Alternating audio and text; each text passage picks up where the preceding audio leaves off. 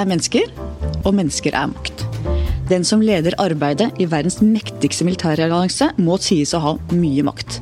Natos generalsekretær Jens Stoltenberg, velkommen hit. Tusen hjertelig takk. Egentlig er det du som bør si velkommen, for vi er jo på ditt kontor i Brussel. Ja, så velkommen til mitt kontor i Brussel. mange vil mene at du har mange talentfulle unge Ap-politikere som ikke fikk prøve seg under din ledelse. Det skal vi komme tilbake til. Men først.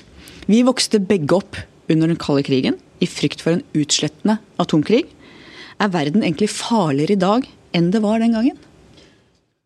Den er i hvert fall mer uforutsigbar. Eh, det er vanskelig å sammenligne fare. For den gangen så sto to militærblokker, Nato og Warszawapakten, mot hverandre med hundretusener av eh, kampklare soldater eh, i Europa med titusener av atomvåpen og høy spenning. Men det som gjorde det annerledes enn i dag, er at det var en slags forutsigbarhet. Det var en slags klarhet i hva som var eh, kontrollert av Sovjetunionen og Warszawapakten, og hva som var eh, Nato. Spillereglene var på mange måter avklart. Det var tryggere på en måte, eller? Jeg bruker hele ordet forutsigbart, for jeg syns det er litt vanskelig å kalle det trygt når du hadde hundretusener av kampklare soldater stående rett mot hverandre. Og vi var jo redde. Ja, vi var redde for ulykker. Vi hadde Cuba-krise og andre kriser eh, som gjorde at vi var redde for at denne slags terrorbalansen skulle komme ut av kontroll. Eh, I dag er det eh, mye mindre styrker, mye mindre atomvåpen. Eh, tross alt lavere spenning og mer kontakt mellom øst og vest. Men det er et element av mer uforutsigbarhet. Og så er det andre typer trusler, som f.eks. terror og cyber, som vi hadde i mindre grad under den kalde krigen. I dag så er det ikke lenger krig mellom stater som er det vanlige, men det er krig innad i stater. Hva betyr det for tenkningen rundt sikkerhetspolitikken? Altså det betyr jo mye, fordi at du, du, opplever Det er ikke den type kriger som vi hadde før. Og, og, og noe av eh, skillet mellom krig og fred blir mindre klart.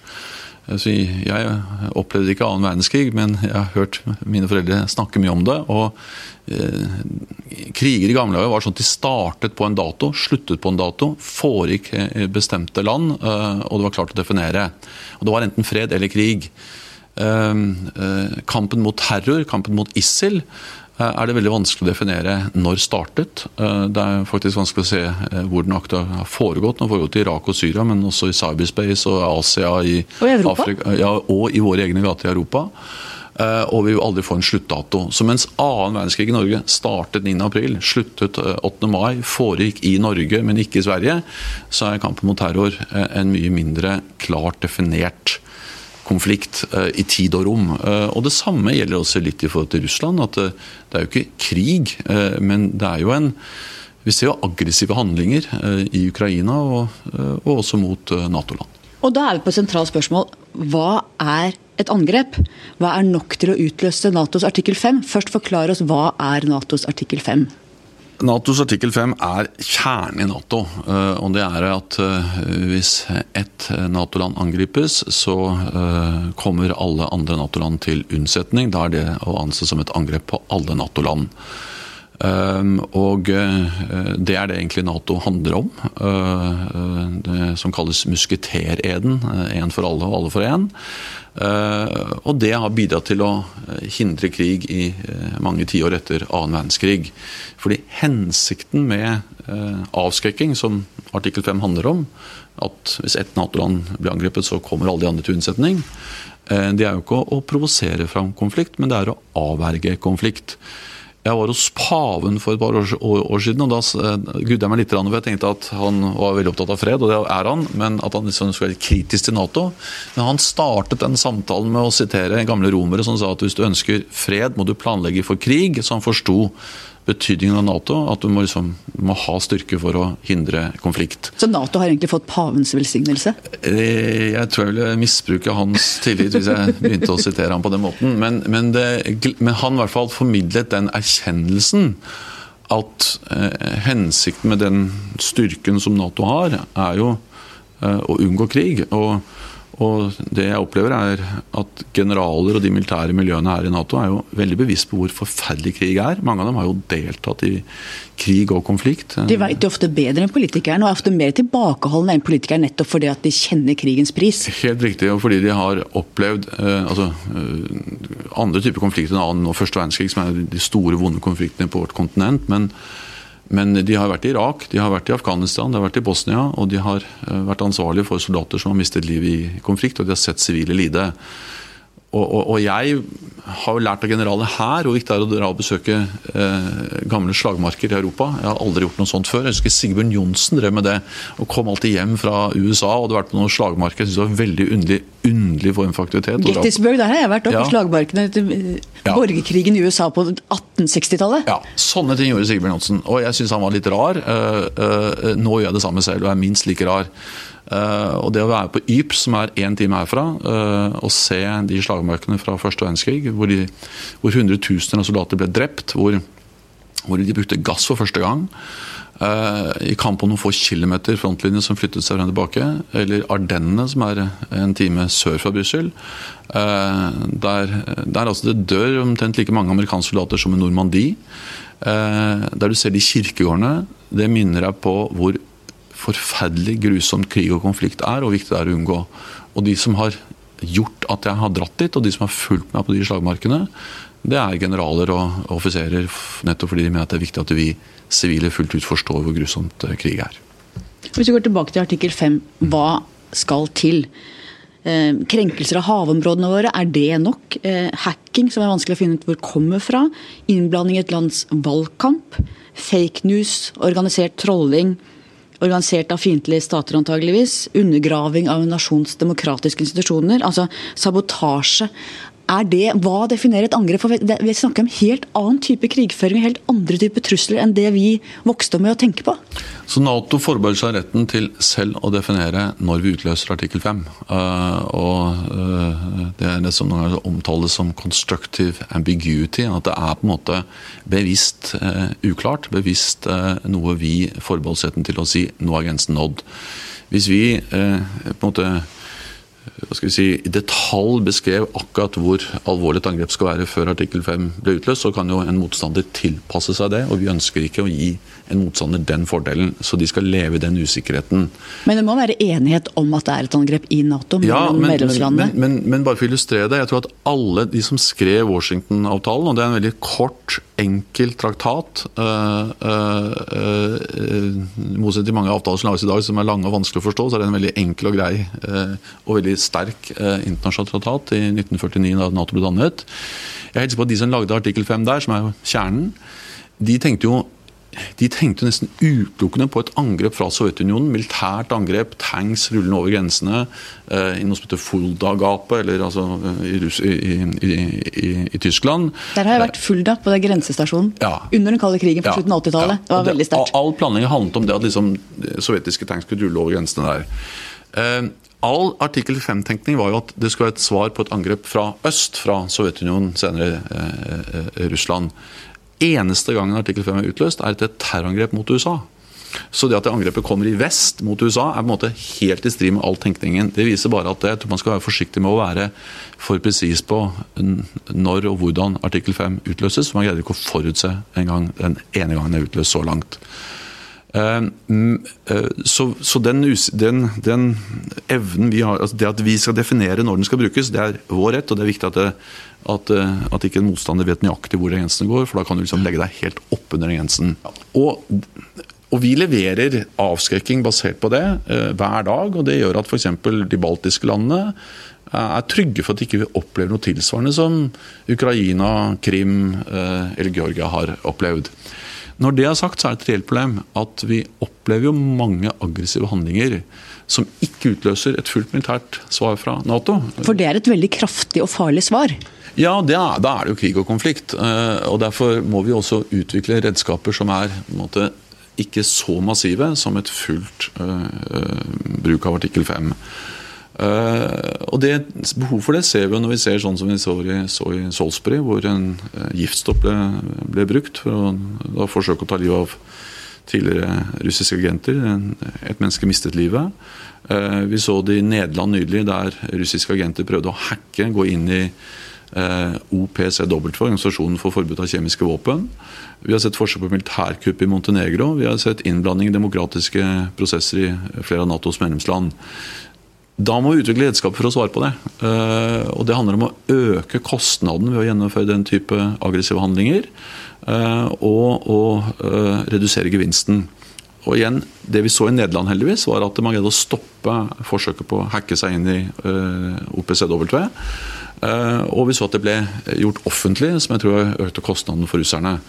Så der kan vi ikke i samme grad si at det på en måte er full suksess, vi hindrer ethvert angrep, eller helt fiasko, vi er helt åpne. Der er det med at vi må svare gang for gang, tilpasse våre virkemidler hvert som truslene og angrepene eller aggressive handlingene endrer seg. Mange jobber nå hardt for et internasjonalt forbud mot atomvåpen. Hva tenker du om realismen i et slikt forslag? Altså, jeg er veldig mot atomvåpen, og Nato er for en verden uten atomvåpen. Øh, det som er viktig, er at vi får til gjensidighet og kontrollerbarhet og samtidighet, kan, kan man si, i arbeidet for å få ned antall atomvåpen. Verden blir jo ikke tryggere av at Nato avskaffer sine atomvåpen. Tvert om? Ja, ja, ja, i hvert fall ikke tryggere av at Nato avskaffer sine atomvåpen, mens Russland, Kina, Nord-Korea beholder eh, sine. Det blir en ja, mindre trygg verden. Og terskelen for mulig bruk av atomvåpen reduseres. Så nedrustning, eh, det å avskaffe atomvåpen, handler jo om kontrollerbare avtaler. Det handler om eh, gjensidighet og samtidighet. Eh, og det forslaget som er lagt på bordet i FN, har ingenting av det. Ikke noe krav til gjensidighet, ikke noe krav til kontrollerbarhet, og ikke noe krav til samtidighet. Jeg er sterk tilhenger av atomnedrustning. Derfor er jeg veldig tilhenger av Eh, de avtalene vi har fått på plass, sånn som det som kalles New Start-avtalen, som gjør at du nå har satt et tak på strategiske atomvåpen, altså langtrekkende atomvåpen, på 1550 eh, stridshoder. Det er veldig mye, men det er vesentlig mindre under kalde krigen, hvor det var rundt 30 000. Uh, uh, bare på vestlig side. INF-avtalen, som avskaffet en hel kategori av våpen, mellomdistanseraketter, Eh, landbaserte. Men den står jo nå i fare? Ja, det gjør den. Eh, men jeg bare sier det er den type virkemidler jeg har tro på. For det er de avtalene som har brakt antall atomvåpen altså kraftig ned. Eh, fra titusener til langt færre. Og for mellomdistansevåpen til null. Det er den eneste avtalen i verden som ikke bare har redusert antall våpen, men avskaffet en hel kategori av våpen. Og ikkespredningsavtalen, eh, som handler om at ikke flere land skal få våpen. Eh, og eh, målet er atomnedrustning. Så jeg er for, og Nato er for, en verden uten atomvåpen, men veien dit handler om kontrollerbare avtaler. Ikke på en måte ønskemål som ikke blir omsatt i praktisk handling. Ja, for Resultatet blir at det er verstingregimene som sitter med atomvåpen og med kunnskap om hvordan de lager dem. Og da som du sier, ja, blir det mer utrygt. Nei, det blir mer utrygt verden. Men situasjonen er vel også at nå bygger jo eh, russerne opp sine små og mellomstore atomvåpenarsenal. Mens man på vestlig side ikke har det. Man har bare de big bang, virkelig de store rakettene, som gjør at det blir en ubalanse. Betyr det at man egentlig bør skaffe seg mer av de små og mellomstore for å ha, en balanse også på dette? i forhold til det vi har hatt? Altså, skjønte du hva jeg mente nå? Jeg tror jeg skjønte hva du mente. Og, og, altså det, som, det som er utfordringen der, er at Altså det viktigste er nå er å prøve å hindre at vi får et nytt våpenkappløp med mellomdistansevåpen. Eh, fordi der har det vært et forbud. Eh, vi ser at det forbudet undergraves. Eh, alle Nato-allierte er bekymret for at Russland utvikler en ny rakettype. Noe som vi kaller SSC-8. Det er mye forkortelse i denne verden. Men som er et mellomdistansevåpen. Og som og som er i strid med den avtalen som kom i 1987. Eh, jeg husker veldig godt da jeg var med i AUF. Og alt handlet om nei til atomvåpen. Eh, det definerte en hel generasjon sikkerhetspolitikere. Eh, det definerte også deg, regner jeg med. Ja. Hvor, hvor, nei til atomvåpen handlet om handlet veldig mye om disse rakettene. Først noe som Sovjetunionen ble utplassert som et SS-20. Og så svarte Nato med noe som het dobbeltuttaket og noe Pershing og kryssraketter. Og holdt på å sprenge Arbeiderpartiet? Ja, det var veldig men det var noe, hva skal vi si, det var, det var alvorlig det. Men det var tross alt mer alvorlig at vi fikk mange hundre atomraketter i Europa Og der varslingstiden kom ned i liksom ti minutter, terskelen for bruk av atomvåpen ble kraftig redusert, og risikoen for en atomkrig og en misforståelse fordi varslingstiden var så kort De måtte liksom gjengjelde med en gang for å være sikre på å greie å gjengjelde før de selv var slått ut gjorde at de mellomdistanserakettene ble ansett som veldig farlige og destabiliserende. I tillegg var man redd for at man skulle greie å få en begrenset atomkrig i Europa, og da øke faren for at det ble krig. Derfor var det et fantastisk liksom, det var liksom en, ja, Juvelen i nedrustningsarbeidet er når da Gorbatsjov og Reagan lager en avtale i 1987 som avskaffer alle, alle disse våpnene. Det er den avtalen som nå er truet, og jeg er egentlig litt overrasket over at det ikke er mer bekymring eh, der ute i verden over at eh, avtalen eh, undergraves, og at russerne i såpass lang tid har utviklet raketter som alle Nato-land er bekymra for. Dette ble tatt opp først av Obama med russerne, så videre av Trump-administrasjonen. Og det var en hovedsak på Nato-møtet nå bare for få uker siden her i Brussel. La oss snakke om Russland mer. Du har sagt at de må slutte med sine brutale forsøk på å undergrave den internasjonale rettsorden. Hva mener du med det? Jeg mener at Russland ikke respekterer grunnleggende spilleregler hvordan uh, stater skal oppføre seg uh, mot hverandre. Jeg, jeg, tror det handler om at Russland mener at de har en slags rett til å bestemme hva naboland gjør. Og Sånn var på en måte verden litt før, at stormakter hadde rett til å bestemme over små land. Eh, heldigvis har vi gjennom tiår, spesielt etter den annen verdenskrig, etablert en annen rettstenkning. At små land også eh, skal bestemme over sin egen fremtid. Det står f.eks. i sluttakten fra Helsingfors-konferansen, Helsingforsakten, eh, erklæringen, at at alle land har lov til å bestemme sin egen eh, sikkerhetspolitiske tilknytning. Om de ønsker å være med i militærallianse eller ikke. Russland mener at de eh, har lov til å bestemme hva naboland kan gjøre, om de kan bli med i Nato eller ikke. De mener at det er en provokasjon at, eh, at baltiske land har valgt å bli med i Nato. Jeg mener at det er små lands selvstendige rett til å velge å bli med eller ikke bli med. Eh, og Det er nå begrunnelsen de bruker for å gå inn i eh, Ukraina, annektere Krim, eh, ha soldater i Moldova eller ha soldater i Georgia. Så, så det handler om å, en, at de må slutte med det. Og så handler det selvfølgelig også om at de, det vi ser da i innblandinger i andre lands indre anliggender Det er ikke noe tvil om at Russland har brukt f.eks. cyber til å blande seg inn i politiske prosesser. Som ung AUF-leder så snudde du AUF og fikk Arbeiderpartiets ungdomsorganisasjon til å akseptere norsk Nato-medlemskap. Men du var også opptatt av den gangen at Norge måtte ha kontakt bak jernteppet. Si noe om hvordan du i dag ser på balansen mellom avskrekking og dialog. Jeg er egentlig hva skal vi si, Noe av det jeg er mest glad for i min tid i Arbeiderpartiet, nei, i Nato, mener jeg, det er at jeg, det er at jeg har, det at jeg har lykkes med å, eller vi har lykkes med å få på plass en dialog med Russland. Og For meg har det aldri vært en motsetning mellom styrke og dialog. Tvert imot så har eh, budskapet vært at så lenge vi er sterke, så lenge vi er faste eh, i vår tilnærming til eh, Sovjetunionen og senere Russland, så kan vi også ha politisk dialog med dem. Da jeg kom til Nato i 2014, så, det, så, var det helt stopp. Det var ikke noe dialog. Det var to år uten noe som helst eh, møte i det som kalles Nato-Russland-rådet. Etter ganske mye forhandlinger og eh, runder, både mm, internt i Nato, men også med Russland, så hadde jeg et møte med Lavrov jeg tror det var våren 2000, altså utenriksminister Lavrov eh, i 2016, og så har vi fått i gang den dialogen. Og Jeg tror på dialog med Russland. Eh, de er vår største nabo. De kommer til å være der. Og vi må forsøke å få til et bedre forhold eh, med Russland. Rustningskontroll, politisk dialog, redusere spenningen. Noen mener at det er urealistisk. Vel, erfaringen sier at noen ganger så får vi til ting. Vi fikk til ting da den kalde krigen gikk, eh, eh, sluttet. Men selv om vi ikke får et bedre forhold til Russland, så må vi håndtere et dårlig forhold til Russland. De er der? Ja, de er der. Eh, og det er mer militære styrker, det er mer øvelser, det er mer eh, våpensystemer. Eh, så vi må unngå misforståelser, feilvurderinger, som kan utløse virkelig farlige situasjoner. Vi har sett et russisk fly bli skutt ned over over eh, Tyrkia. Vi så en, et Nato-fly som avfyrte en rakett ved eh, en misforståelse over Baltikum, eller ute i Østersjøen. Eh, det har vært nestenulykker flere ganger. Så bare det å unngå at et vanskelig forhold liksom snubler ut i en konflikt, er et sterkt argument for å ha dialog med Russland. og jeg bruker min norske erfaring. Norge er et lite, lite naboland til, Norge, til, til, Russland. Og vi samarbeider godt med Russland, og, og ikke på tross av Nato, men faktisk pga. Nato. I VG har vi, jeg vil si nesten til det kjedsommelige, skrevet ledere om at nå må regjeringen jobbe hardere for å komme seg opp på målet om 2% av BNP til Forsvaret. Hvordan ser du på at Norge ikke ligger i front der?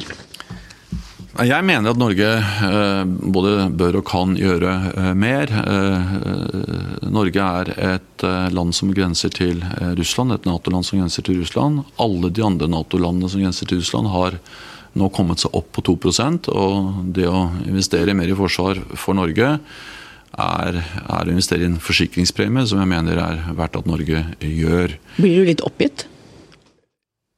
Jeg, min oppgave er å bidra til at alle Nato-land leverer på det de har eh, lovet, eh, også eh, Norge. Eh, jeg er den første til å skjønne at det kan være krevende, fordi at eh, det er mange andre gode formål. Eh, det er helse, og det er utdanning, og det er veier, og det er mange gode formål. Men, og jeg skjønner at etter den kalde krigen ute på 90-tallet at mange Nato-land kuttet sine forsvarsutgifter, gjorde også Norge, for da gikk spenningen ned. Men hvis man reduserer forsvarsutgiftene når spenningen går ned, så må man også evne å ta utgiftene opp når spenningen går opp, som nå. Og spesielt når man har lovet hverandre det. 2% er jo mer enn vi bruker i dag. Men, men, men, men det er ikke så veldig mye historisk sett. Altså, vi brukte 3% under den kalde krigen i Norge og i de fleste andre Nato-land. Og så sent som da Kåre Willoch og Gro Harlem Brundtland var statsministre på Norge på 80- og utover på 90-tallet, så var vi på 2% så, så det er jo noe vi har gjort mange ganger før, og fullt mulig å gjøre igjen. Under den kalde krigen hadde vi store styrker stående i Finnmark. Bør vi satse mer der i dag? Jeg, jeg, tror jeg vil være litt varsom med å mene akkurat hvordan Norge skal innrette hvor de utplasserer sine styrker. Jeg tror at det er viktig at det, altså Norge og Nato øker sitt nærvær i nord. Det har vi gjort. Eh, eh, det gjør vi dels gjennom det land som Norge gjør, eh, men også Storbritannia. USA, Danmark, andre land som har et naturlig tilstedeværelse i nord har styrket både sine marinekapasiteter, sine flykapasiteter, maritime overvåkningsfly og noen ganger også landstyrker. Eh, samtidig så handler det hele tiden om den balansen mellom å være til stede, men samtidig ikke eh, øke spenningen eh, unødvendig. Og noe av det fine i nord Vi pleier å si high north, low tensions. altså liksom, Oppe i nord har vi også lav spenning, og vi må fortsette å forsøke å bidra til det. Verneplikten. I dag velger det norske forsvaret de beste. Og veldig mange unge nordmenn avtjener ikke verneplikt. Og Det kan godt hende at det militærfaglig er rett, antagelig er det det. Men samtidig så mister vi noe av si, nasjonens lim, integrering, som jeg vet du er opptatt av. Det at alle føler at de i en periode ofrer noe for landet sitt. Og jeg har lurt på den siste tiden hva vi mister med at det har blitt så mange færre vernepliktige soldater. Altså Et sterkt nasjonalt lim er jo også en form for forsvar. Mm. Hva tenker du? Nei, jeg tenker at Det er et kjempedilemma. Jeg tenker at, eh, at det har vært noe veldig fint i Norge at eh, veldig mange mennesker har hatt en tilknytning til Forsvaret, iallfall veldig mange menn, da, for de som har hatt et verneplikt før, eh, og fortsatt i hovedsak er dominerende, eh, at det er noe veldig verdifullt. Eh, samtidig så handler dette om forsvarsutgifter igjen. For innenfor stramme budsjetter så har det faglige militære rådet alltid vært at Eh, at man må redusere på antall vernepliktige i forhold til det å investere i profesjonelle soldater som kan håndtere og beherske veldig kompliserte avanserte våpensystemer. Og Det er jo det som skjer, at det, det blir stadig mer avanserte eh, altså systemer som krever høy utdanning, eh, og at man tar vare på den utdanningen eh, gjennom flere år. Ikke bare la folk forsyne ut igjen når verneplikten er over. Så, eh, så, Derfor har man i det valget vært tvunget til å redusere antall eh, vernepliktige. Eh, med større budsjetter vil det mulig å selvfølgelig øke antall vernepliktige. Den internasjonale orden er mindre ordentlig enn på lenge. Handelsavtaler sies opp tollregimer undergraves. Og det snakkes om mulig handelskrig. Noen trekker paralleller til den første verdenskrig, som brøt løs i 1914. Hvordan ser du den situasjonen? Jeg er urolig for det jeg ser. Eh, at eh, veldig mange av de institusjonene vi bygget opp etter annen verdenskrig, og de fleste disse kom jo rett etter annen verdenskrig. Eh, altså Den internasjonale handelsorganisasjonen, veldig mye av tollregimene, mange andre avtaler, og Nato og EU.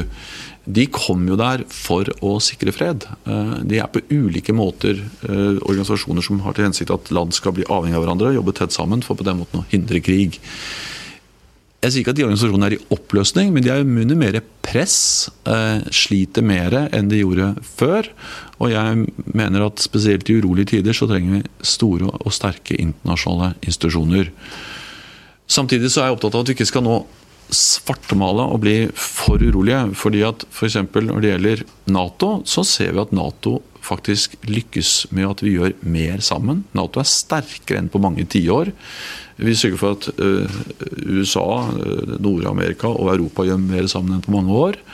Uh, og vi har også en historie som sier at det har vært uenighet før. altså det var Suezkrisen på 50-tallet, eller da Frankrike kastet Nato ut av Paris og Frankrike og ut av, trakk seg fra den militære kommandostrukturen på 60-tallet, eller Irak-krigen i 2003, så har vi hatt dyp uenighet mellom Nato-land, men likevel greid å stå sammen om det viktigste, nemlig å forsvare hverandre. Så ja, det er alvorlig at det er uenig om klimaavtale, at det er uenig om handelsregimer, at det er uenig om Iran-avtalen. Men når det gjelder kjernespørsmålet sikkerhet, så, så lykkes Nato godt med å ta vare på det. Kina. Vi vet at når en stormakt passerer den som ligger øverst, så skjer det historisk sett ikke uten militær konflikt. Er det mulig denne gangen at Kina kan bli størst økonomisk og på andre måter uten at det blir en militær konflikt ut av det? Altså, det er jo skrevet bøker om det og analyser av det. og de, Helt tilbake til, til altså, Sparta eller altså, de greske bystatene og kriger tilbake til den tid. Eh, og det er liksom Hovedpåstanden er at når én makt vokser forbi en annen, så blir det konflikt og krig. Men det er ikke en nødvendighet. Det finnes historiske eksempler på at det, eh, det har skjedd uten krig og konflikt. Og jeg tror vi må satse på, eller altså ikke bare tror jeg må satse på, vi må gjøre alt vi kan for å sørge for at det eh, ikke skjer. Eh, at, eh, at, på tross av at Kina vokser kraftig økonomisk, litt avhengig av om du regner og sånn, allerede har gått forbi USA eh, i økonomisk størrelse. At det skal skje uten militær konflikt. Er du bekymra? Jeg mener vi i hvert fall skal være bevisst for den faren. Samtidig så er jeg litt redd for å alltid si at man er bekymra. fordi at det er noe litt sånn depressivt over det. Du skal se problemene, du skal se oppgavene, men du skal se om du er optimist i forhold til å løse dem. Og jeg, jeg, jeg har en tro på at menneskene ser hvor forferdelig det vil være med en full konflikt. Vi har jo dessverre mange mindre konflikter i verden i dag. Det er mennesker som dør i krig og konflikt i Europa, i Ukraina. Det er grensene til oss, Syria Irak, og, mange, og flere andre steder. Men jeg håper og tror at liksom, de store maktene forstår hvor alvorlig en full krig vil være, eller konflikt vil være, og derfor at vi kan fortsatt ta vare på freden. Gjeldsveksten i Kina, hva betyr det for stabiliteten både i Kina og i verden? Altså, det betyr jo at de er veldig avhengig av å låne uh, penger. Uh, uh, så er det jo også slik at Kina har en altså de, har mindre vekst nå enn de hadde for Og de har mer utsatt økonomi enn de hadde for, for noen år siden. Og de er ikke, de er ikke uovervinnelige. Men jeg, jeg, jeg, igjen, altså, det kan være et problem for Kina. Det kan være et problem for, for, for stabiliteten i deler av internasjonal økonomi. Men alt i alt er jeg grunnleggende optimist optimist. Jeg mener at hvis du ser på verden de siste eh, tiårene, eller hundreårene, så går vi veldig i riktig retning. Folk løftes ut av fattigdom. Eh, barnedødeligheten går ned. Folk lever lenger. Eh, forskning, ny teknologi gjør at vi gjør ting eh, på fantastiske måter. Så eh, grunnleggende er jeg optimist, og så tenker jeg at vi må bare eh, bruke all den kunnskapen vi har til å løse alle de uløste problemene, som f.eks. klimaproblemet. Verdensøkonomi er jo også sikkerhetspolitikk. Vil et mulig fremtidig børskrakk være destabiliserende også sikkerhetspolitisk? Vi har jo hatt mange børskrakk. Eh, vi hadde en veldig alvorlig finansiell krise, eh, finanskrise eh, i 2008-2009. Jeg tror det er litt for enkelt. Det, det, har vi håndtert uten at det har blitt militære konflikter i hvert fall som direkte følge av det. Det har blitt sosial uro, det har blitt svekket tillit til politiske institusjoner. Men igjen, jeg, tror vi skal liksom være varsomme å gjøre det til en direkte årsak til militær konflikt. Jeg håper og tror at vi har lært noe av den forrige finanskrisen, og at terskelen for å gjøre noe tilsvarende feil en gang til er i hvert fall blitt høyere. Vi må snakke litt om deg. Ja. Om livet ditt, barndom, oppvekst. Veldig mange vet jo veldig mye allerede. Stoltenberg-familien er jo en av Norges mest kjente og mest omtalt familier. Aller først, hvem ligner du mest på av moren din Karin og faren din Thorvald? Alle tror at jeg ligner mye på Thorvald, og det håper jeg til å gjøre. For jeg er veldig glad i han, er et veldig varmt og godt menneske. Men jeg har mye mer til felles med moren min enn det mange tror. Hva da, f.eks.? Hun var litt, nå mener jeg positiv forstand, litt nerd. altså Hun var veldig opptatt av sånn, å jobbe med eh, saker, fakta. og veldig trodde veldig på kunnskap og det rasjonelle. Mer grundig enn Thorvald, egentlig? Eh, ja, det, er, det, er, en urettferdig måte å omtale Thorvald på. Altså, han var, gikk mye mer på følelser, på intuisjon, på, på, å forstå mennesker. Eh, Karen og jeg har litt, noen ganger litt for stor tro på det rasjonelle. Eh, sånn at det har vært ødeleggende, altså, ødeleggende skapt problemer for oss. da. Eh, Hvordan da?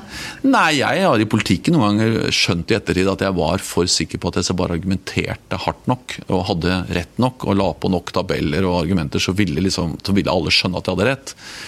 Jeg, jeg, jeg, fortsatt, jeg, mener fortsatt at jeg hadde rett, av betydning at det var riktig standpunkt. Men det skapte jo et vanvittig rabalder og påførte meg og partiet mitt eh, vil, kanskje noen ganger unødvendig store belastninger.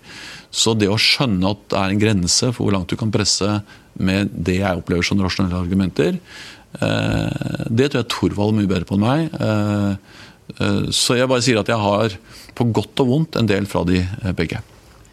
Og På hvilket område skiller du deg mest fra Karin? Hvor er du mest forskjellig fra henne? Nei, det er at Jeg er mye mer glad i mennesker, altså offentlig glad i mennesker. Altså, hun var glad i mennesker, var glad i barna sine og mannen sin. Men hun gikk ikke rundt og klemte folk på valgmøter. Det var liksom ikke Karins øh, styrke. Jeg, det har jeg litt fra Thorvald. Jeg får energi av å være sammen med folk. Jeg liker, jeg liker det å være Jeg liker å være en offentlig eller, Jeg har ikke noe mot å være offentlig person i, i, i perioder, i hvert fall. Eh, og jeg trives på et eh, middels årsmøte i Arbeiderpartiet hvor jeg kan hilse på folk og klemme på folk og snakke med folk. Og Hvor er du mest forskjellig fra Thorvald? Ja, det er nok det f.eks. at jeg valgte å studere økonomi. At jeg er opptatt av statistikk og matematikk. Jeg kan si mye bedre enn Thorvald, men jeg er ikke opptatt av statistikk og matematikk. Eh, så jeg har den, den, mer, den type interesser som Thorvald ikke hadde. Og nå er de borte, begge to. Og du og søstrene dine, Camilla og Nini, dere delte jo foreldrene deres med mange. Særlig faren din. Han kjente alle, snakket med alle og var oversvømmende hyggelig med alle. Kjente du noen gang som liten gutt at du ville at han skulle være litt mer bare din og deres? Nei. Altså, aldri? Nei, aldri. Jeg, altså det, det, er mulig jeg burde ha tenkt det, men jeg tenkte aldri sånn. Eh, han, han, reiste en del, gjorde Karen også. Eh, og, og på 60-70-tallet, hvor de reiste skikkelig mye, eh, så reiste man gjerne liksom, i tre uker. Karen dro til Afrika og borte liksom, lenge. Men jeg kan aldri huske at jeg har tenkt at de skulle vært mer hos meg. Tvert imot, jeg følte de var en masse hos meg, begge to. De var veldig til stede når de var der. Jeg har bare gode minner om barndom og tid med mine foreldre. Eh, og jeg opplevde at vi var veldig familie. Eh, vi hadde en egen familiesang som vi sang, og vi kjørte til hytta og holdt på. sånn at eh, det er mulig jeg skulle ha hatt altså jeg, Det var helt feil om jeg sa at jeg har dem, for jeg har ikke dem. følte jeg har vært det hele tiden. De har vokst opp med så begavede og profilerte foreldre. Hvilke tanker gjør du deg om det? det, det det er at Jeg har ikke tenkt på dem som det. Jeg har tenkt på dem som Karin og Thorvald. Som uh, varme, engasjerte mennesker. Uh, mennesker som alltid har dratt oss med i samtaler. Og igjen, jeg har lært veldig mye av dem begge. Men igjen mye mer av Karin kanskje enn mange tror. Uh, alt som handlet om familiepolitikk, om likestilling, om pappapermisjon og selvbestemt abort og sånt, det lærte jeg veldig av Karin. Helse. Jeg har jobbet litt med internasjonal helse, lærte jeg Karin. Eh, eh, så jeg, men jeg har sett det som en brønn for kunnskap og for kjærlighet. Eh, jeg har ikke sett på noen sånn kunnskapsrike eller sånne, sånne mennesker som ja, De var mor og far? Ja, de var mor og far. ja. Bortsett jeg kalte dem ikke mor og far, jeg kalte dem Torvald, men det var det de var. Og Ninni, lillesøster, som døde for fire år siden, hva savner du mest med henne i dag? Jeg savner kanskje alt det hun kunne ha vært. Altså, jeg har selvfølgelig masse gode minner om Nini, om tiden eh, spesielt før hun begynte å slite med rus. Eh, men også noen veldig fine minner mm, da hun hadde rusproblemer. Jeg husker de siste møtene vi hadde våren altså før hun døde. og Da, da var hun sånn, på en sånn rehabiliteringsinstitusjon faktisk, for hun hadde eh, altså en operasjon i hofta. Men, men, men poenget var at da var hun i kjempegodt humør og hadde det veldig hyggelig ute ved Hønefoss. Eh, men først og fremst savner jeg egentlig alt det uforløste. Alt det hun kunne ha gitt og bidratt med. Eh, til. Hun var jo uhyggelig smart og klok. Veldig, ikke sant? Hun var kjempeskarp, veldig kunnskapsrik. veldig, eh, veldig og et veldig engasjert og levende menneske. Men som, men som, men som, som hun kunne ha blitt liksom den aller flotteste og aller mest spennende av oss alle. Men det ble dessverre ødelagt. Så jeg savner egentlig det vi, den Nini vi aldri fikk opplevd. Hva lærte du av Nini? Jeg lærte i hvert fall det at samfunnet ser veldig annerledes ut fra eh, bånn, fra nedenifra enn ovenifra. Altså jeg har jo levd mye av mitt liv på toppen, eh, i betydning bokstavelig talt på toppen i departementer og regjering og strukturer og maktsystemene. Eh, jeg har jo reist rundt og besøkt sykehus og skoler og, og sett, men det er likevel Jeg sitter i Oslo på toppen av eh, departementer og institusjoner. Nini gjorde absolutt ikke det. Hun, hun, var på behandlingsinstitusjoner, hun kjente mennesker som eh, hadde det vanskelig, og som sleit. Og Det å se hvordan de opplevde de systemene, det å besøke Nini på ulike institusjoner, det, det å høre henne fortelle, se hvordan helsevesenet ikke greide å fange henne opp da hun virkelig hadde, eh, var syk og sleit, eh, og hvor mye fordommer det var mot rusmisbrukere, eh, det lærte jeg henne. Og Hva tror du hun lærte av deg? Jeg, jeg, jeg, håper at hun lærte litt om liksom, gleden av å være med i et fellesskap. Altså det, det, altså, det, tror jeg hun misunte meg litt. Altså har liksom hele, har, hun var ganske ensom. Hun hadde få. Øh, og hadde i hvert fall små og ikke veldig sterke fellesskap rundt seg. Jeg har alltid vært en del av fellesskapet. Først, først, familien vår, som begge var. Men så en grunn til at jeg søkte AUF og Arbeiderpartiet, sånn, er at jeg er så glad i de fellesskapene. Det er liksom en stor familie. Eh, og alt, alt det vennskapet, all den varmen jeg fikk i det fellesskapet, det, det tror jeg hun ønsket seg veldig, men fikk aldri. Du var en ganske sjenert liten gutt. Ikke så faglig flink. Og så ble du plutselig i hvert fall du ble en langhåret, veldig kul ungdom. Kan du huske at det var et vendepunkt tidlig i livet, eller hadde du alltid en sånn grunnleggende eh, selvtillit og trygghet innerst inne? Nei, det var, det var nok et, det var ikke ett vendepunkt, men det skjedde noe sånn rundt femte klasse.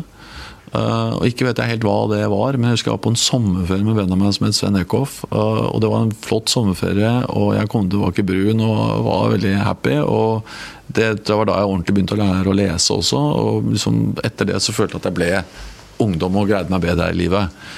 Camilla, søsteren min, som nå leder et utvalg for å se på kjønnsforskjeller, eh, hun bruker noen av meg som eksempel. og Jeg er alltid redd for sånne anekdoteeksempler, som sånn man kjente en person. det er ikke rasjonelt nok? Nei, det er ikke rasjonelt nok. Det er ikke statistisk riktig utvalg. Men det er en illustrasjon da, på noe som du kanskje kan dokumentere med statistikk. Og det, det er at jeg er en sånn typisk en gutt som hvis jeg hadde hatt et litt annet skolesystem, litt mer uflaks, så hadde jeg ikke lykkes. Eh, men det var fordi jeg gikk på en skole og jeg hadde foreldre og hadde omgivelser rundt meg som lot meg være ikke veldig skoleflink i veldig mange år. Og så eh, etter hvert så, så lyktes jeg med det. Eh, og ingen hadde drømt om da jeg gikk på skolen at jeg skulle ende opp å være glad i matematikk og statistikk. og og ende på universitetet og studere det. Og bli statsminister. Ja, det, det er ingen som har drømt om. Men sånn er det. Hadia Tajik har vært i podkast hos meg, og hun har snakket om hvordan hun har jobbet veldig aktivt med sin egen sjenanse.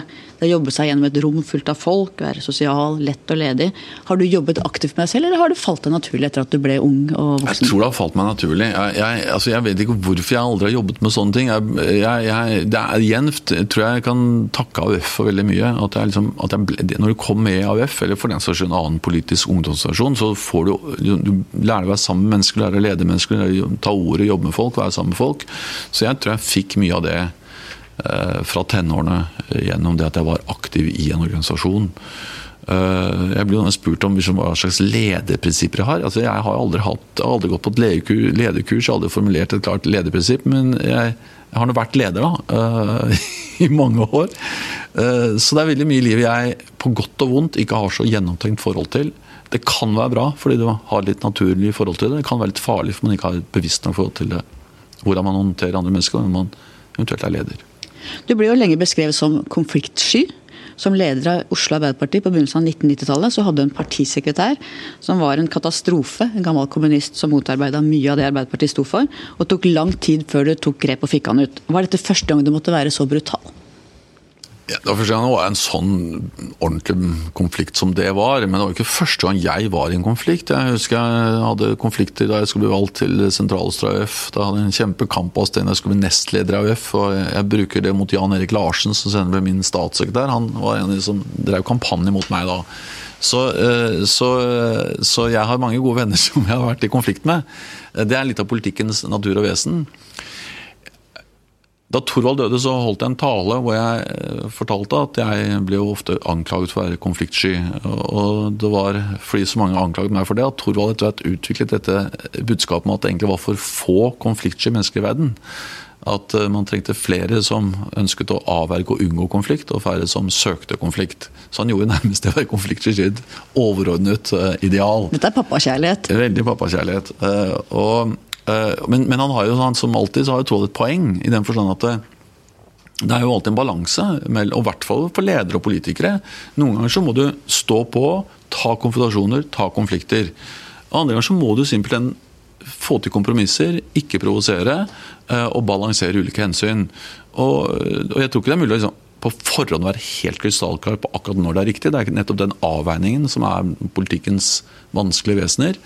Eh, og jeg har helt sikkert eh, noen ganger eh, vært for unnvikende, vært for opptatt av å unngå konflikt.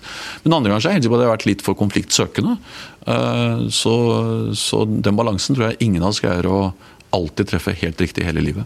Etter at du inn i mange mange års lang strid med Torbjørn Jagland, vi skal ikke gå inn på det i detalj, men hva lærte du om deg selv som menneske og som leder gjennom den ganske tunge prosessen? Jeg har ikke tenkt så nøye på akkurat hva jeg lærte, men jeg tror det er kanskje noe med at det er smertefullt. Um, at um, um, Ja, det, det, jeg lærte, tror jeg egentlig at det går over. Det, det tror jeg er ganske viktig. Altså. At jeg opplever at jeg, da når det står på, så er, jo folk helt besatt av det. og De har veldig sterke meninger, og folk har bare mørke tanker og kommer alltid til å tilgi noe som helst, og alle er like så sinte på hverandre.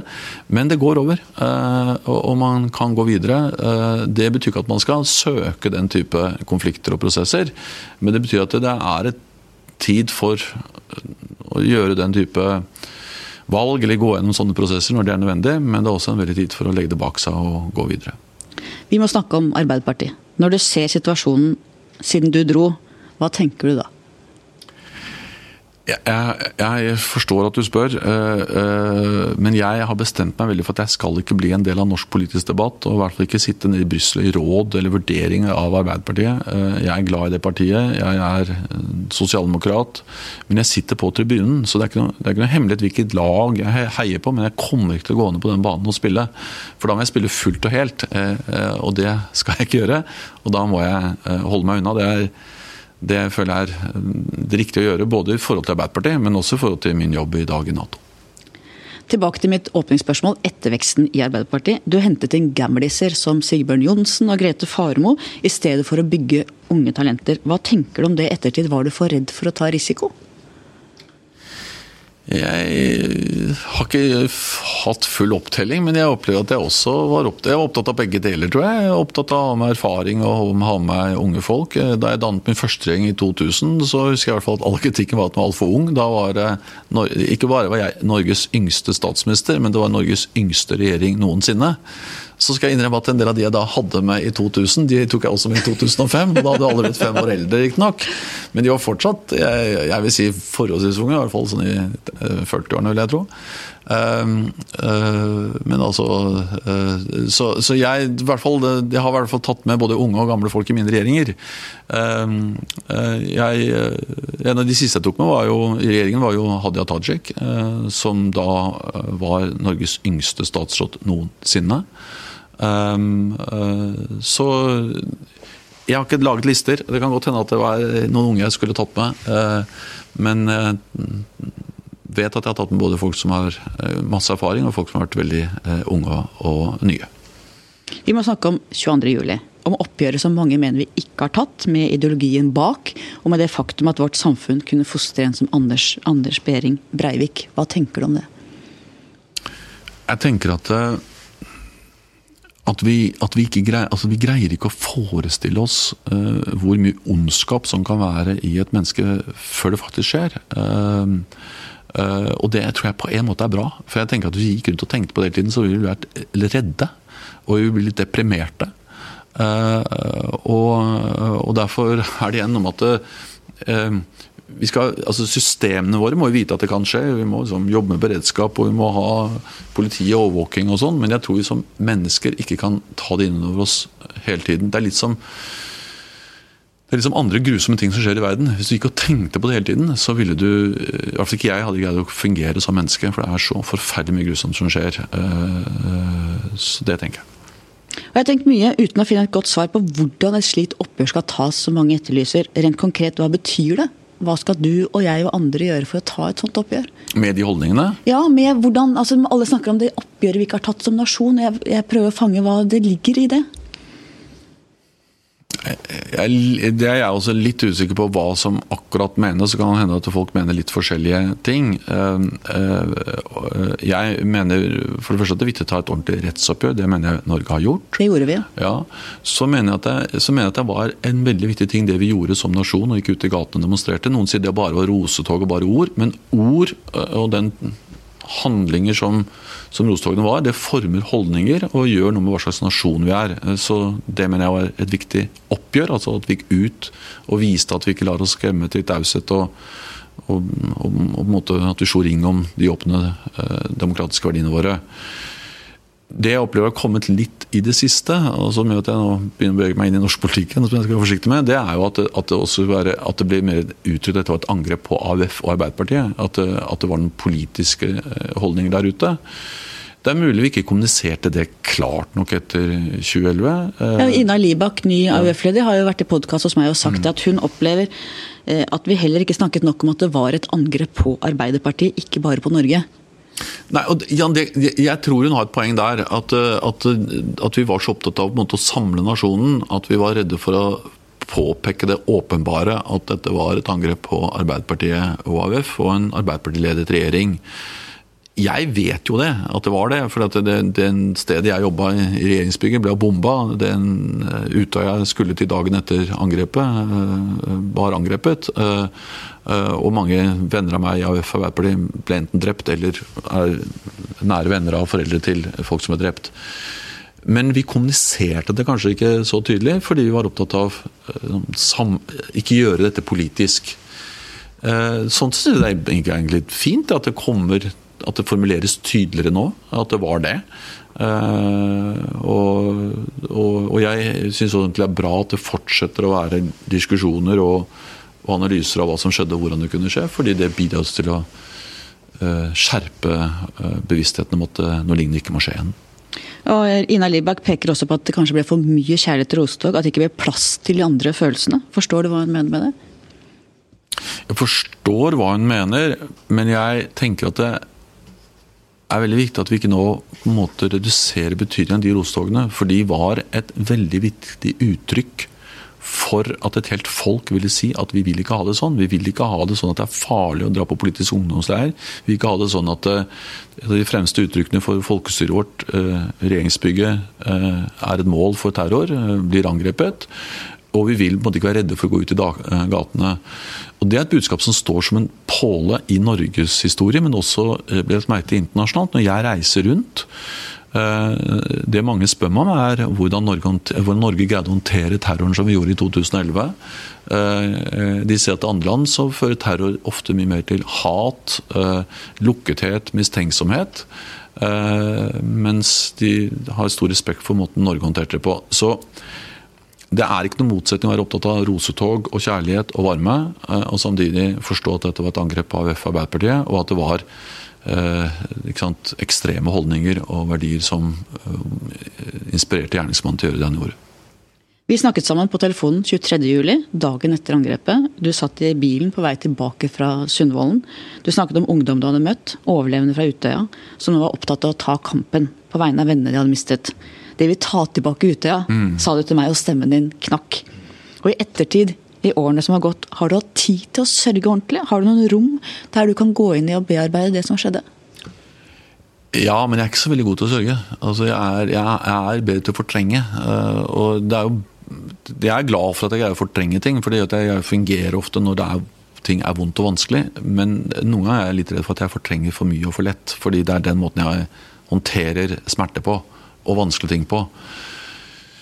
Så det kan, det kan, godt være at jeg ikke har sørget nok. Det er noen ganger det kommer over meg. Eh, jeg er jo på Utøya hver sommer. Jeg har tenkt å være på Utøya hver sommer resten av livet. Eh, og da er jeg noen ganger noen øyeblikk alene eh, hvor jeg får sorgen og smertene over meg. Fordi det er så kontrastfylt. Fordi jeg har så utrolig mye gode minner fra Utøya. Jeg var der første gang i 1974. Vært der hver sommer siden. Og, og, så, og så blir det så veldig vondt når det settes opp mot det eh, forferdelige som skjedde der. Det syns jeg er fint med Utøya, at det er greit på en veldig fin måte å kombinere det å ta øya tilbake, aktivitet, liv, glede, med på en verdig måte minnes det vonde. Igjen for å sammenligne med et annet land. Jeg var i, på 9-11 Memorial eh, i New York. Og de har eh, hjulpet Utøya, men de har også veldig respekt for det Utøya har gjort. Uh, der man også i New York greide å finne en kombinasjon av det å lage vannspeil, minnesteder, akkurat der tårnene sto. Eh, men samtidig nye, lage nye bygg, eh, enda høyere, enda større, og, og, og, ta tilbake plassen. Vi minnes, og livet går videre. Ja, og det, det, er det eneste, og det greide de i New York. Eh, der tusener av mennesker ble drept. Det var smertefullt og vanskelig der òg, og det opplever jeg at jeg greide greid på Utøya. Og det er fint å se. Alle som var på jobb i VG den dagen, som også ble rammet av bomben, gikk gjennom debrifing og samtale med psykolog i ettertid. Har du hatt noe oppføring der du kunne gå gjennom dine egne erfaringer og opplevelser? Ikke profesjonelt, jeg fikk tilbud om det, men jeg ja, altså, Da hadde jeg den fine unnskyldningen at jeg hadde så mye å gjøre. Jeg skulle jo trøste alle andre. Jeg var, på, jeg var statsminister, og vi skulle bisettelser, og vi skulle styre landet og vi skulle mange ting. Så jeg, jeg øh, gjorde ikke det. Det kan godt være galt. Men jeg føler at jeg har fått mye oppfølging i å snakke med folk. altså Snakke med mine nærmeste, Ingrid, øh, men også veldig mange venner fra AUF Arbeiderpartiet. Jeg treffer folk i støttegruppa, jeg treffer folk som sant, hadde en mye, mye verre eh, opplevelse enn jeg hadde 22.07. For jeg opplevde at venner av meg, noen jeg kjente, var drept. Men dette er jo, jeg treffer jo stadig mennesker som mistet kjæresten sin, sønnen sin, datteren sin. Eh, eh, og for meg har det vært trøst. Det er mye trøst i å trøste, som de sier. Så jeg eh, opplever at det har vært en mye eh, støtte for meg å få lov til å både i dagene og ukene etterpå, i 2011, men også i mange år etterpå, få lov til å treffe folk som ble rammet av Utøya eh, eller regjeringskvartalet, og være sammen med dem. I dag ser vi også mye stygt, altså nettroll som angriper unge AUF-ere som var på Utøya. Hva forteller det om landet vårt, og hvordan kan vi møte det? Troll sprekker når eh, sola skinner på dem. Eh, så er, jeg tror det er veldig bra det som blir gjort nå, at det er mer offentlighet. At eh, mediene skriver om det, at det kommer fram med offentlighet. For det er en del ting du kan altså Du kan gjerne forby det, du kan gjerne lage regler mot det, men det er, sånne ting lar seg ikke alltid forby, i hvert fall ikke håndheve. Så det at det, det at det er mer offentlighet om det, gjør at jeg tror at det i hvert fall blir å begrense den type hat, ekstreme holdninger, som har et større omfang enn jeg var klar over. Eh, men igjen, når jeg treffer en del av de som overlevde Utøya og regjeringskvartalet, så hører jeg om det. Så er det klart at det, det, verste skal anmeldes. og Det skal etterforskes og det skal håndteres. Eh, men det er en kombinasjon av juridiske virkemidler, rettsstaten, og holdninger som vi alle skaper gjennom bl.a. å kaste lys på det og være tydelige i vår fordømmelse av den type altså, Eh, hat som kommer til uttrykk på nettet. Norge er jo ikke en øy i verden. Det som skjer ute angår oss, enten vi snakker om ekstremisme eller om økonomi. Kan vi si at økende ulikhet også er et sikkerhetspolitisk spørsmål? Ja, det kan vi. I den forstand at alt som bidrar til å skape konflikt og motsetninger, eh, bidrar også til å svekke grunnlaget for stabilitet og fred. Jeg er bare litt redd for at det at det, man kan ende opp med å gjøre altså Alt handler om sikkerhetspolitikk. Kampen mot fattigdom, eh, eh, klima, eh, sosial utjamning. Alt har på en eller annen måte en sikkerhetspolitisk tilknytning. Så da, utvalget sikkerhetspolitikken? Ja, lite grann. Så, så det, det, ja, selvfølgelig er sosial rettferdighet ekstremt viktig for Eh, for stabilitet og dermed også for eh, å unngå krig og konflikt. Samtidig så i hvert fall det jeg har lest av forskning og litteratur, er at det, det er, veldig, det er altfor enkelt å sette en sånt Der det er fattigdom, der blir det krig. Eh, noen av de verste krigene vi har sett i vår tid, er jo blant, altså, var jo industrialiserte land. Det var når virkelig industrialiserte land begynte å slåss første annen verdenskrig, at de virkelig begynte å ta livet av hverandre. Så en hovedpoeng er ikke det. Det er, det er, viktig å kjempe for sosial rettferdighet uansett. Hvis det i tillegg kan bidra til mer fred, så er det jo ekstra viktig. Akkurat som klima. Eh, klima må vi, klimaendringer må vi unngå uansett. At det i tillegg kan bidra til å redusere noe av grobunnen for konflikt, gjør det bare enda uh, viktigere. Men det går også den motsatte veien. Hvis vi ikke lykkes i å sikre freden, så greier vi heller ikke å få til sosial utvikling. Vi greier heller ikke å bruke ressurser og krefter på å bekjempe klimaendringene. Så fred og stabilitet er forutsetning for økonomisk utvikling og sosial rettferdighet. Vi nærmer oss slutten. Hva ser du som viktige norske verdier? Ikke eksklusivt, ikke eksklusivt norske, men viktige norske verdier som er viktige i det norske samfunnet. Ja, det er at vi har en veldig stor grad av tillit til hverandre. At Eh, vi, vi, vi, tror på, vi, tror på, fellesskap og, det, det er jo, og sosial rettferdighet. Og det kommer til uttrykk gjennom sånne uh, ord som norske ordet dugnad.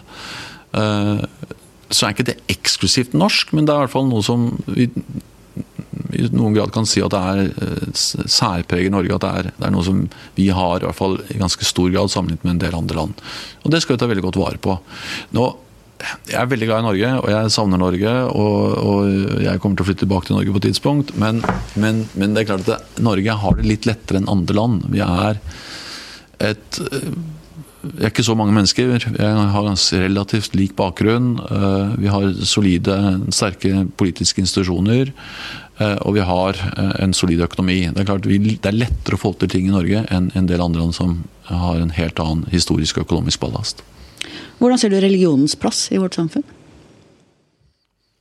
Religion er veldig viktig for veldig mange mennesker. Eh, og gir eh, både mye trøst eh, og mye veiledning. Og Thorvald, faren min, som jo døde i sommer, han, han, han, var ikke veldig religiøs, men når han hadde det veldig vondt, og når han nærmet seg døden, så var religion eller kristendommen viktig for han.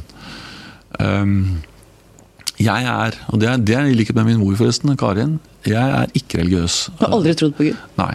Jeg, jeg, jeg, altså, jeg, har en gang sagt i et intervju at jeg tror på noe som er større enn menneske. Det var bare for at jeg, men det mente jeg å si at det er noen ting vi mennesker ikke skjønner. Uh, altså, Universets mysterium, ja, liksom? sånne ting. Nå vet jeg at noen avanserte fysikere kan forklare det òg, men jeg skjønner det i hvert fall ikke. Uh, men, men, men altså, hvis man vil kalle det religion, så, så, så er det greit for meg, men da blir, det, da blir det et veldig utvannet gudsbegrep. Eh, så jeg, jeg, er ikke religiøs, og har, aldri vært det. og, og og, og, har kanskje jeg har knapt prøvd, men jeg, jeg faller veldig unaturlig for meg å prøve det. Jeg, jeg, jeg er ikke det. Av, av, jeg er ekstremt sånn tro på naturvitenskap og den type rasjonell tilnærming, og jeg ikke å forklare altså for meg, og for meg, Jeg skjønner jo ikke helt kritikken av overtro, for jeg skjønner ikke, jeg har veldig problemer med å slite med å forstå forskjellen om tro og overtro. Så, men jeg har ikke noe problem for å polemisere mot de som tror. og jeg har veldig Mange mennesker er veldig glad i som tror på det, og de gir dem glede, trøst og varme. og eh, når veiledning i livet, så for guds skyld, da, for å si det sånn, fortsett med det. Der! Ja, ja, fortsett med det. ikke sant? Så, det, så jeg, har, jeg, har, ikke noe behov for å polemisere mot det eller være mot det. Det jeg har behov for, det er jo å påpeke at, at religion har vært misbrukt til eh, å skape intoleranse, konflikter, bli brukt i konflikter. Eh, eh, begrunnet terrorangrep både med den ene og den andre religion. altså Gjerningsmannen 22.07 brukte religion, i hvert fall sa han korsvarer. ikke sant? Og, men det er misbruk, og det, det, skal ikke de andre som tror på de religionene holdes ansvarlig for, enten er den ene eller den andre religionen. Og så har jo også religionen blitt brukt til å undertrykke kvinner. Eh, det, det er, jeg er ikke noen religionshistoriker eller forsker, men jeg, jeg, jeg, jeg, ser jo hvordan i noen samfunn så har det vært brukt som argumenter for at kvinner skal gå med slør, eller at de ikke skal jobbe, eller at de ikke skal bestemme over egen kropp, selvsendt abort, eh, skal holde seg hjemme, eh, eller mot homofilt ekteskap. Så veldig mye av det jeg har jeg har slåss for i mitt politiske liv, fra abortsaken til homoekteskap, har jo folks brukt religion til å bekjempe. Uh, uh, igjen, jeg holder, igjen altså, jeg holder ikke de, alle de menneskene jeg er glad i som tror på religion, uh, ansvarlig for det. Men, men alle de som tror på ulike religioner, bør få passe på at ikke folk stjeler religionen deres i politiske ærender som strider mot veldig mange viktige verdier jeg tror på, som toleranse, som likestilling mellom kvinner og menn, og, og som mangfold. Til slutt, mitt faste spørsmål. Hva skal bli historien om deg? Jens Stoltenberg, det var han som ja, så Hadde jeg visst at det var et fast spørsmål, så hadde jeg tenkt veldig nøye og lenge på det. Men jeg, jeg, jeg håper at det er et eller annet med at det mennesker som hele sitt liv har jobbet for det jeg tror på.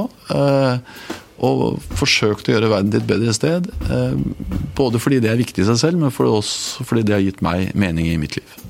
Tusen takk for at vi fikk komme til deg. Tusen hjertelig takk. Takk til deg som hørte på. Takk til vår faste produsent Magne Antonsen. Vi høres igjen om litt.